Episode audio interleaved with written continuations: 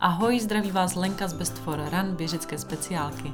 Vítám vás u dalšího dílu našeho podcastu a mým dnešním hostem je Andrea Kaštánková, kterou možná znáte z Instagramu jako Andulu v běhu. S Andreou se dneska budu bavit o tom, jaké to je běhat u těhotenství, jestli je potřeba se na to nějak připravit a zároveň jaké to je běhat s dětmi, běhat s kočárkem a připravovat se na velké závody, když jste máma od rodiny.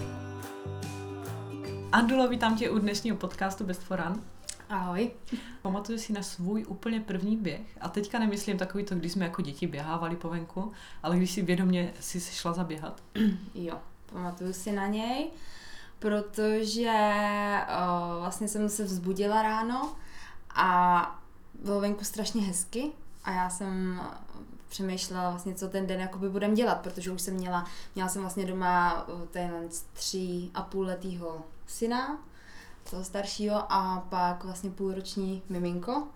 A ty, ty dny vlastně jakoby si tak splývají a člověk si to vždycky chce něčím obzvláštnit. No a tak ten den jsem si říkala, že bychom mohli jít hnedka ráno na, na procházku. No a já jsem otevřela skříň a vytáhla jsem si tam tať uh, prostě sportovní oblečení, jako úplně nevědomky, co jsem tam měla už z předchozího, z předchozího, když jsem chodila třeba sportovat nebo nebo tak. A oblíkla jsem se a říkala jsem, že vemu teda staršího na kolo a půjdeme si na stezku projít. Jenom tak klasika to naše, tam nějaký 4 kilometry. No a jak jsme šli a on furt ujížděl, tak mě tak jakože nutil trošku, abych zrychlovala, zrychlovala, tak jsem ho občas dobíhala. No a v ten moment se to právě trochu jako zlobilo a říkala jsem si, že bych mohla začít běhat s ním a já jsem vlastně najednou zjistila, že jsem na té stezce s ním skoro pořád po- pobíhala. Že jo? Takže on, mě, on byl vlastně takový ten nejstarší syn, byl v tu chvíli ten můj takový hnací motor, kdy on vlastně mě ujížděl a já musela dobíhat. Takže tím to vlastně všechno se tak odstartovalo, protože se nám to zalíbilo. Kluci byli hodný, malý, to, ten nej, nejmladší syn, že jo, v kočárku, tak on se jako vyspal starší ten se zaspodal na tom kole, trávili jsme čas venku a já jsem vlastně zase měla čas takový pro sebe, že jsem pro sebe něco udělala, ale trávili jsme vlastně, neměla jsem výčitky třeba toho, že jsme netrávili ten čas spolu, ale že jsem ho furt mohla trávit s těma dětma, ale zároveň dělat něco pro sebe. A zůstali jste u těch čtyř kiláčků, nebo jste potom běhali třeba i víc? Ne, už pak samozřejmě člověk je takový nenasytný, jak se říká, a, a začali jsme právě si ty trasy prodlužovat. Začala jsem hledat ve okolí trasy, kde bych on právě mohl jezdit na tom kole. Já mohla běžet s tím kočárem, protože jsem v tu dobu samozřejmě neměla kočár, který by byl určený na běhání. Byl to normální městský kočárek, takže k tomu nějak určit nějakou trasu. A, no a z těch čtyřech kilometrů, co jsme vlastně začínali, jsme se pak dostávali vejš a vejš, pak z toho bylo dlouho 6, 7 a člověk si furt tak snažil, snažil se trošku posouvat dopředu a tím, že to bavilo ty děti, že neměli s tím nějaký problém, tak právě proto to bavilo i mě a byla jsem spokojená. Takže máš teďka hrozně vysportovaný děti. No, no možná, možná by se tak dalo říct a snad, snad dostali nějaký základ třeba do budoucna, že by, že by je to mohlo bavit. Víš, na čím já vždycky přemýšlím, když vidím maminku, která běží. Jaký to je, když se držíš toho kočárku? Protože třeba na bruslích to chápu, že se jako o to pěkně zapřeš, ale při tom běhu přece jenom já jsem zvykla používat ruce a trošku si s nima pomáhat a nedokážu si představit, že mám zafixovaný na tom madle toho kočárku na tom jednom bodě. Je to zvláštní pocit, nebo se to dá snadno naučit? No, tohle je otázka, protože já jsem s tím docela z začátku bojovala, že jsem si jakože střídala ruce, že jo, samozřejmě vždycky jednou rukou jsem tlačila kočárek, druhou rukou jsem si právě pomáhala, a já jsem vlastně zjistila, že tohle je úplně nejvíc špatně. Že vlastně, eh, když běžím a jednou rukou tlačím něco, že jo, takže ten kočár a tou druhou rukou si pomáhám, takže se tak jako kroutím, to, a vlastně běží se mě špatně, pak mě třeba bole, bolely mě třeba kolena, mě začalo bolet, protože jsem se tak jakože vyvracela a nebylo to vůbec, nebylo to prostě vůbec pohodlný. A tak jsem se naučila právě běhat tak, že mám obě dvě ruce obě dvě ruce na madle a tlačím obouma, obě, oběma rukama a přijde mě to už, nepřijde mě to jako nepřirozený, ale samozřejmě, když pak běžím bez toho kočárku a můžu si pomoct těma rukama, tak je to samozřejmě znát a je to takový jako lepší, no. Od toho, co jsi začala běhat eh, s klukama, s dětma, posunula se někam dál. Já totiž vím, že ty se pak připravovala i na Beskidskou a vůbec si dělala takový jako náročnější běhy. A co, co bylo takový jako nejvíc, co, co jsi uběhla nebo chtěla uběhnout, nebo na co se taky stala? No, tak úplně nejvíc byla právě ta zmiňovaná Beskidská sedmička, která teda mm, mě hrozně mrzí, protože jsem, jsem jí jako nedoběhla. Skončila jsem v půlce vlastně na nějakém to 50. kilometru. Ale jinak samozřejmě jsem na sebe pišná, protože myslím si, že natrénovat na tu beskidskou, už jenom ten, kdo se přihlásí do té beskidské a uběhne, i když čtvrtku, tak je to prostě obrovská, obrovská jako poklona pro něj, že se do něčeho takového vůbec chce pustit. Ale eh, zpátky k tomu, eh, k, z těch mých jakoby asi úspěchů, na kterých jsem fakt pišná, tak je třeba Krkonožská padesátka, tak ta byla úplně bezkonkurenční. Myslím si, že ty podmínky ani na ní nebyly takový lehký, že bylo fakt, bylo to 1. srpna, shodou okolností na moje narozeniny a bylo opravdu vedro neskutečný, pralo sluníčko a běželo se to vlastně od rána přes pravý poledne se to běželo a opravdu to byl takový jako náročný závod, bych řekla. A na něj jsem teda neskutečně pišná, protože ten jsem doběhla za nějakých 6 hodin. Teď si nejsem úplně jistá, za kolik, aby to nebylo míň, já se tady neto. Já se tady neošidila o hodinu, jako. Ty nevím, to je za pět. No, nevadí i tak, si myslím, nevím. že super, kolik bylo kluků v té době tím dětem? O, to bylo loni, takže to bylo klukům, vlastně mladšímu byli dva a půl a staršímu pět a půl. Hele, a jak se potom trénuje na takový závod? Jako pořád ještě běháš s kočárkem, s klukama, nebo si jdeš občas zaběhat sama? Nebo jak, jak to probíhalo? No toho času jít si zaběhat sama někam nějaký další trasy teda to nebylo. To říkám na rovinu, že to opravdu tak, zas, zas až takhle to, to nešlo, ale to vůbec nevadilo. Právě o to, o to víc mě to možná dalo, jo? protože jsem věděla, že musím, v úvozovkách musím, chtěla jsem, natrénovat na ty dlouhé tratě a paradoxně u nás nejsou vlastně žádný ani kopečky, u nás jsou jenom samý rovinky a všechny tyhle ty mm, trailový, vlastně to byly trailové závody a byly to byly to závody, které který měly převýšení několika metrový, 100, 100 metrový, tisícimetrový. A a ono je hrozně jako těžký natrénovat na to, na to na té rovince, že jo. Takže já jsem to brala takový jako benefit, vlastně běhat s tím kočárem, protože mě to tak jako, že dávalo nějakou sílu zase někde jinde, jo. Takže jsem vlastně chodila běhat dlouhý tratě s tím kočárkem, chodila jsem běhat třeba třikrát týdně, půlmaraton s kočárkem, s tím jsem brala, někdy se mnou šel starší syn, který jezdil se mnou vlastně na kole, někdy nechodil se mnou, běžela jsem si jenom sama s tím kočárem, ale těch běhů bez toho kočáru, tady z těch dlouhých, tak to bych asi možná spočítala na prstech, protože těch opravdu moc nebylo. A mě to ani nevadilo a já jsem to vlastně brala takový, jako že mě to o to víc bavilo, když jsme běželi spolu, protože jsem v tom nebyla sama, mně přišlo. Jo, že on ten syn mě trošku jako v tom kočáru jako podporoval že on potřeboval prostě, aby s ním třeba někdo komunikoval a, a viděl někde, nevím, že jsme podél silnice a viděl tam traktor a potřeboval se mě zeptat, na co je ten traktor, jo. A bylo to takový hezký, že on mě vlastně pomohl k tomu odvádět možná malinko někdy tu pozornost od toho, že mě bolí třeba nohy, nebo že už se mě nechce, jo, a nebo že mi prostě na nic mizerně, a že už bych to nejradši jako zabalila a tak.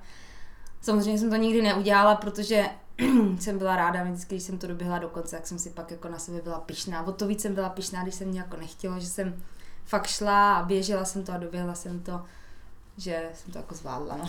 A věděli kluci, na co trénuješ? Že se chystáš na nějaký větší závod? Jako měli to povědomí o tom? Uh, no, já si úplně ne, ne, nemyslím, že to jako já jsem jim říkala, že mamka trénuje na velký závod, ale úplně eh, nejsem si jistá, jestli to v jejich očích bylo... A co je pro ně velký závod? Bylo že? dostatečný.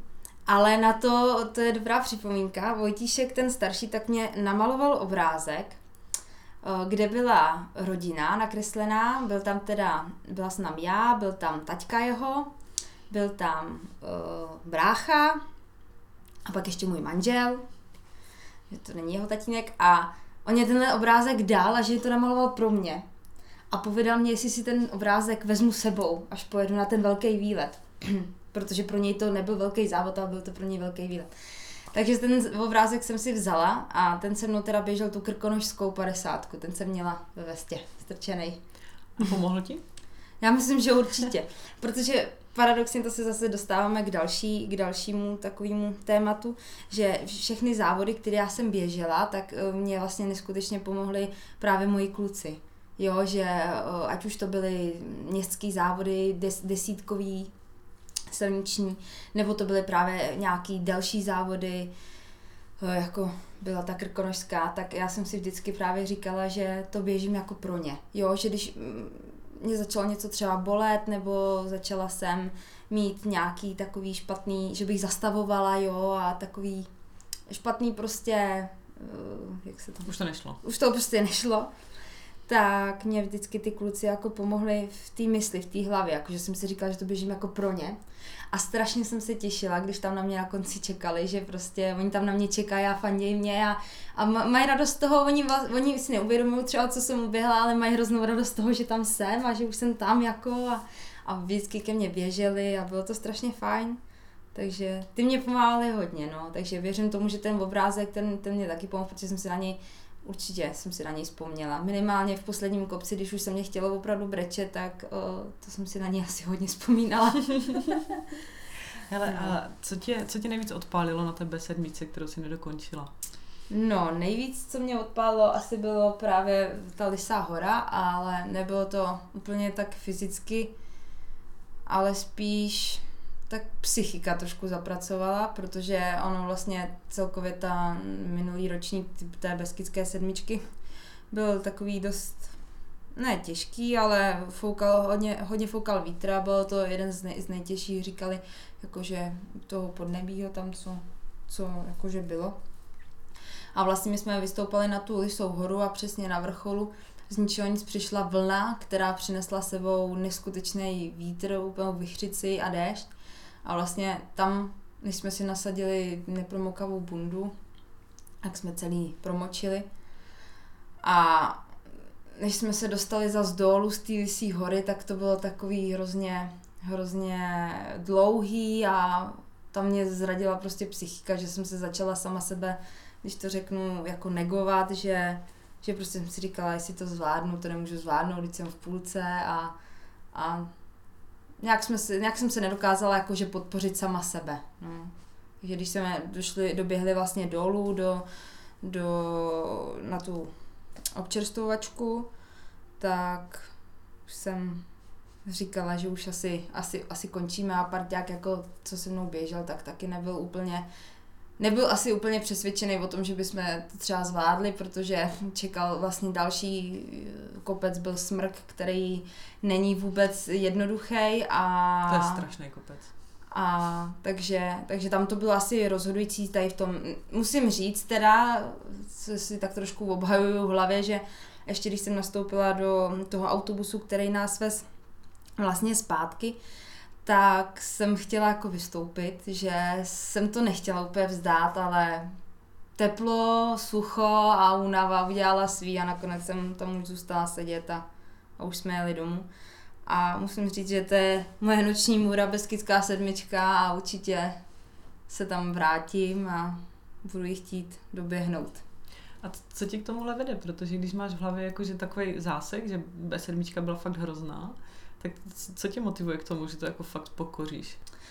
No, asi možná ten nejvíc asi ten pocit. Já mm, nerada jako jsem něčemu dlužná a tam jsem si nechala velký dluh v podobě půlky tratě, takže tam, tam se musím určitě vrátit, protože mě by to hrozně, mě by to hrozně užíralo. Nechci říct, že jsem na sebe sklam, jako na sebe že jsem zklamaná ze sebe, že jsem to jako nezvládla. Ono taky je někdy, někdy dobrý vědět, kdy má člověk dost a je to možná někdy i důležitý, nejdůležitější vlastně to vědět, kdy ten člověk má dost, než se hnát někam, kam třeba, kde to třeba může dopadnout špatně a kde ten člověk vlastně vůbec nemusí nemusí vědět, co dělá a ještě si někde třeba ublížit, protože už by byl vysílený a tak.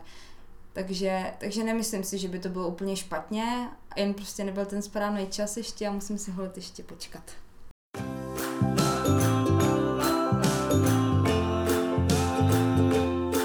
Andula běhá v botech značky Mizuno. Nejvíc si na ní chválí stabilitu, kterou ji poskytují při každém došlapu, výborné tlumení a taky jejich vysokou výdrž, protože v posledních Mizuno Wave Inspire naběhala přes 1500 km. Protože jsme jí u nás Best for Run naměřili mírnou pronaci, Doporučili jsme jí právě boty s pronační podporou, jako jsou Inspiry a teď nově právě Mizuno Wave Horizon. Kdybyste se chtěli na boty od Mizuno kouknout taky, můžete na bestforrun.cz.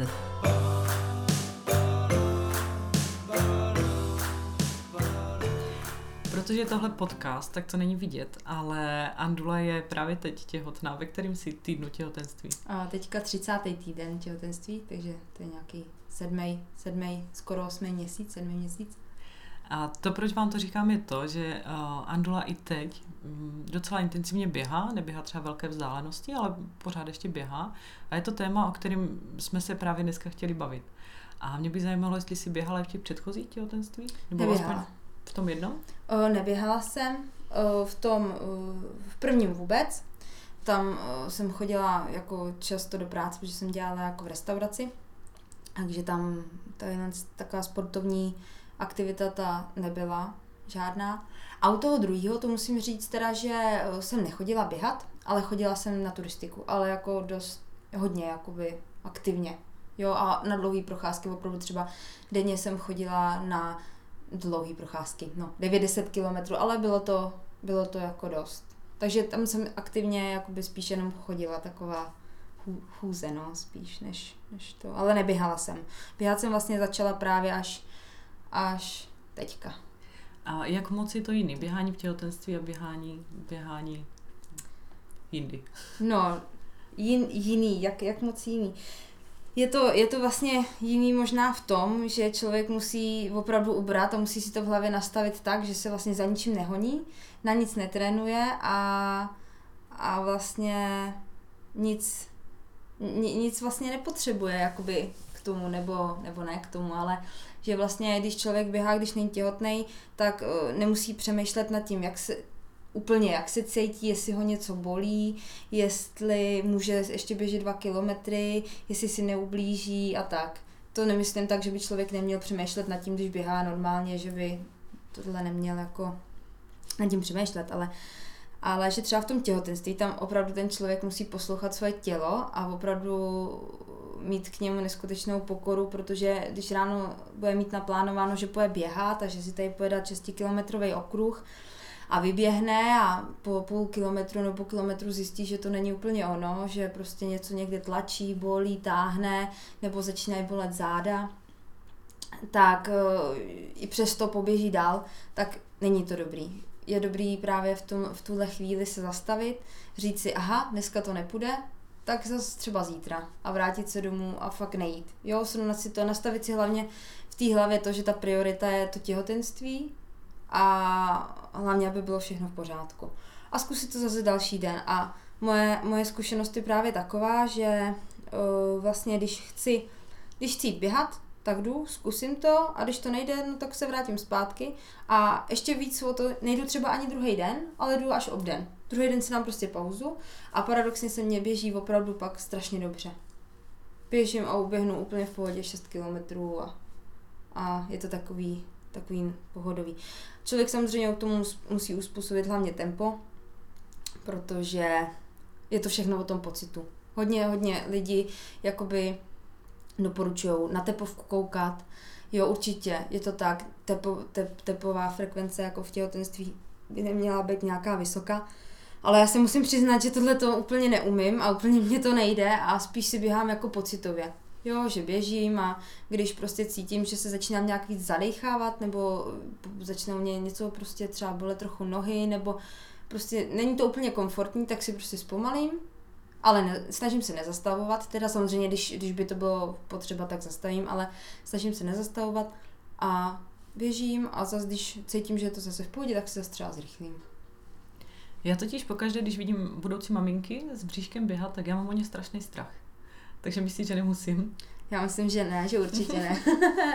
že snad, eh, snad eh, všechny ty, co běž, běhají, tak, tak mají, mají eh, rozum na to, aby věděli, co si můžou dovolit a myslím si, že to určitě není na škodu. Ba naopak je super, když se v těhotenství jako maminka nebo žena hýbe, protože mm, pak i třeba říkají, že porod bývá lehčí a, a ta celková rekonvalescence vlastně potom, potom těhotenství je mnohem jako lepší, že jo, když hlavně když ta žena byla fakt zvyklá sportovat před tím těhotenstvím, tak mně přijde jako za mě opravdu kravina, když nemá žádný, uh, nemá třeba rizikový těhotenství, nemá žádný problémy, tak to utnout a skončit s tím. Že prostě je to strašná škoda, když vlastně může to dělat dál. A řešila jsi to s někým? Řešila jsi to třeba s doktorkou nebo s nějakým trenérem? Nebo ptala se z někoho, hledala si z nějaké rady? Určitě, protože jako není to úplně jednoduchý se do toho pustit. Samozřejmě člověk, člověk se nad tím musí zamyslet a, a zvážit, jakoby, že tam jsou i nějaký rizika, určitě. Musí si je připustit, že prostě třeba na začátku těhotenství, že opravdu musí dávat na sebe pozor, že ty pocity vnímat asi úplně nejvíc, aby se něco nepřihodilo, ale když běhá, tak musí trošičku počítat i s tou jako horší variantou za mě. A právě tady na to konto já jsem si vlastně začala schánět uh, všechny jakoby informace, jak třeba běhat, kdy chodit běhat, v jakém tempu se pohybovat, jo, jak často, kolik kilometrů, a, naraz, a třeba je, zapojovat k tomu hlavně nějaký cvičení, protože běh není vlastně jenom o běhu, ale běh je hlavně i za prvý o regeneraci a za druhý o nějakém tom posilování. A narazila jsem vlastně na to, na web, k, na blog jeden, a to má Anička Štumfová, to je to těhu v běhu a ta vlastně začínala běhat v prvním těhotenství, nebo běhala před těhotenstvím a pokračovala v prvním těhotenství a proběhla vlastně i takhle druhý těhotenství. Takže já jsem od ní čerpala informace, napsala i knížku, takže jsem si, od ní jsem dostala i knížku, takže tu s tí jsem čerpala informace. A pak samozřejmě eh, po té odborné stránce jsem to probírala se svým ginekologem, který byl teda pro, ať to tak jako nebejvá, že opravdu buď myslím si, že nic mezi není, že buď to ten doktor to akceptuje, nebo má k tomu nějaký svůj názor, že proč to nedělat, anebo naopak právě to zavrhují ty doktory. No. Takže jsem se radila vlastně se svým ginekologem, vždycky na každý prohlídce jsme, spolu, jsme to spolu skonzultovali a On mě říkal hlavně, ať uh, prostě to dělám dle pocitu, že když někde bude něco už špatně, tak ať to fakt nervu přes sílu, ať, ať se na to vyprnu, že mě to vlastně neuteče, no. Tak a měl pravdu. a našel se někdo, kdo byl proti tomu, abys běhala těhotná? Uh, no, úplně jako třeba z rodiny, když to řeknu, z, mých, jako z, z mojí blízkosti přímý, tak se to ne, nelíbilo. Musím říct, že teda eh, mě překvapila moje rodina, že jsem si myslela, že mě hnedka jakoby utnou, jo, že tchyně s tchánem mě řeknou, že prostě ježíš, jsi blázen, neběhej a tak. A moje mamka s taťkou, jo, a že na mě budou koukat, tak jako bála jsem se, jo, co na to oni, že na mě třeba budou koukat jako skrz prsty a tak, jako že jsem jako normální, že běhám a tak, že by, že by jsou to přece jenom staré školy, že jakoby, ne úplně, že by ženská měla sedět v těhotenství na gauči a spát do sebe nějaký jídlo, to ne, ale asi, že by měla fakt na sebe dávat větší pozor. Ale rodina to teda přijala jako dobře a musím říct, že mě teda i podporujou, že teďka i kolikrát děda, děda jako můj tchán, tak si bere třeba i toho mladšího, protože přece jenom teďka už s tím kočárem chodím běhat taky, ale už ne tak často. Už je to takový půl na půl ty běhy. Radši už, radši už jakoby bez něj, ale když jakoby nemám hlídání nebo tak, jdu samozřejmě s tím kočárem. Takže tam podpora jako je, ale vždycky je to zatím takový to, ale dávej na sebe pozor. Ale jinak perfektní od nich a od manžela samozřejmě, tak ten, ten mě podporuje, kde může a tenhle v tom asi úplně nejvíc. Vždycky mě říká, Nikdy mě neřek, vyprni se na to. Vždycky mě řek, jak se cítíš a když jsem mu řekla, ale dneska to nebylo dobrý a on, no tak to zkusíš a když to nepůjde, tak se na to vyprneš. Takže tak, ale jinak třeba jsem se setkala určitě jako s negativním, mm, s negativní odezvou spíš od cizího okolí, třeba na sociálních sítích. Někdo, že... Ale myslím si, že by to bylo jako špatně, určitě, jo. Zase k tomu člověku trošku dodají takovou tu takovou, naloměj ho trošku, jo, že mě trošku jako nalomili a člověk si zase v tom musí trošku utvrdit, utvrdit, že nad tím začne víc přemýšlet a řekne si, aha, tak jestli to je opravdu dobře nebo jako jestli špatně, jo, a zase si s tím veme svý pro a proti a teď si vzpomene, ale teď já běhám a teď mě to nic nedělá, mě není potom špatně, mě nic nebolí a tak si řeknu, ježi, teď proč bych nemohla běhat, teď je to super, že jo. A myslím si, že je to hodně i mm, o tom, že ty lidi jako nepřijímají nový, nový ne, nechci říct, že to je nějaký trend, jako běhat v těhotenství, ale nepřijímají nové věci a že jsou prostě zvyklí na to, že když je ženská těhotná, že prostě nic nedělá, no. Potkáváš hodně lidí, kteří běhají těhotní, nebo možná asi je nepotkáváš na své klasické trase, ale třeba na Instagramu nebo někde jinde? No, musím uznat, že úplně tolik jich není, jako. Není jich tolik. Ne, ne, ne, nevím, jako úplně já, dalo by se to opravdu spočítat, já nevím, jestli třeba, co vím, co aktivně běhají, tak třeba deset. Jako. To není moc. No, není. moc ne. Ale spíš musím teda uznat, že mě hodně píšou, jakoby. A že jsou spíš to takový smutní, že jako nemůžou. Jo, že třeba běhali do 16. týdne, a nějakého čtvrtého měsíce a že pak najednou prostě třeba, že jim to doktor jako ne zakázal, ale řekl, že už by to nebylo úplně dobrý, že měli nějaký jako nějaký zdravotní problémy nebo jim začaly třeba bolet je kolena, nohy a prostě zkoušeli to, ale že to nejde. A že spíš jsou to takové jako smutné zprávy některý, že oni by strašně rádi, mají tu motivaci, mají to v té hlavě nastavený, že by hrozně chtěli, ale že to prostě zde zdravotně jakoby nejde. No. Ale zas aspoň chodí třeba na turistiku. A ty máš, asi se to možná nedá úplně naplánovat, ale dokdy máš v plánu běhat? No, eh, já jsem měla takovou hranici svoji určenou. Než jsem si říkala, tak, tak budu běhat třeba do 20. týdne. Jsem si tak jako řekla. No najednou utek 20. týden a já furt běhala a furt dobrý. Tak jsem si říkala, tak do 30. týdne, že budu běhat. No a najednou, najednou je tady 30. týden a já vlastně pořád běhám, pořád mě to jde, pořád mě to baví a pořád je mě to pohodlný a dělá mě to pořád radost. Takže těžko říct, kam se dostanu, ale teď jsem si určila takovou hranici, možná nějaký 35. týden, že už pak asi tomu dám jako klid a uh, užiju si pak takový ty tři týdny opravdu toho těhotenství, toho nic nedělání a takže a nebudu nic dělat. Pak přijde 35. týden a ty budeš pořád běhat a zjistíš, no. že to ještě ne.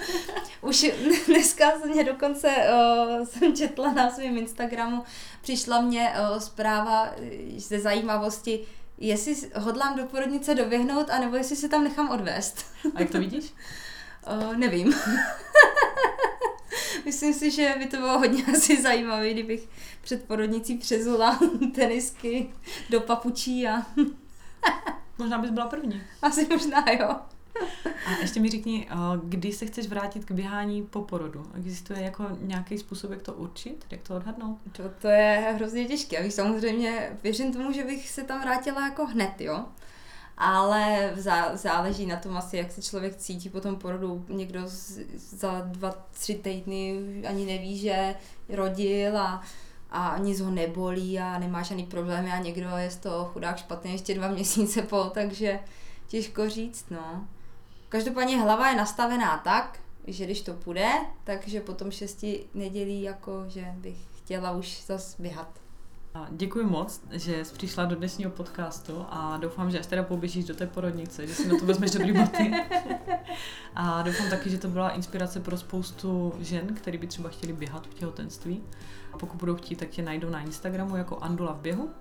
A já vám to dám určitě ještě do článku, abyste se tam mohli prokliknout. Takže ještě jednou moc děkuji, že jsi přijela. Já ti taky moc krát děkuji, bylo to moc fajn. Díky, že jste poslouchali dnešní podcast a pokud byste chtěli slyšet i další díly, najdete je na Spotify, Soundcloud nebo na našem webu. Díky moc, že jste s náma a ať se vám dobře běhá. Lenka z Best for Run.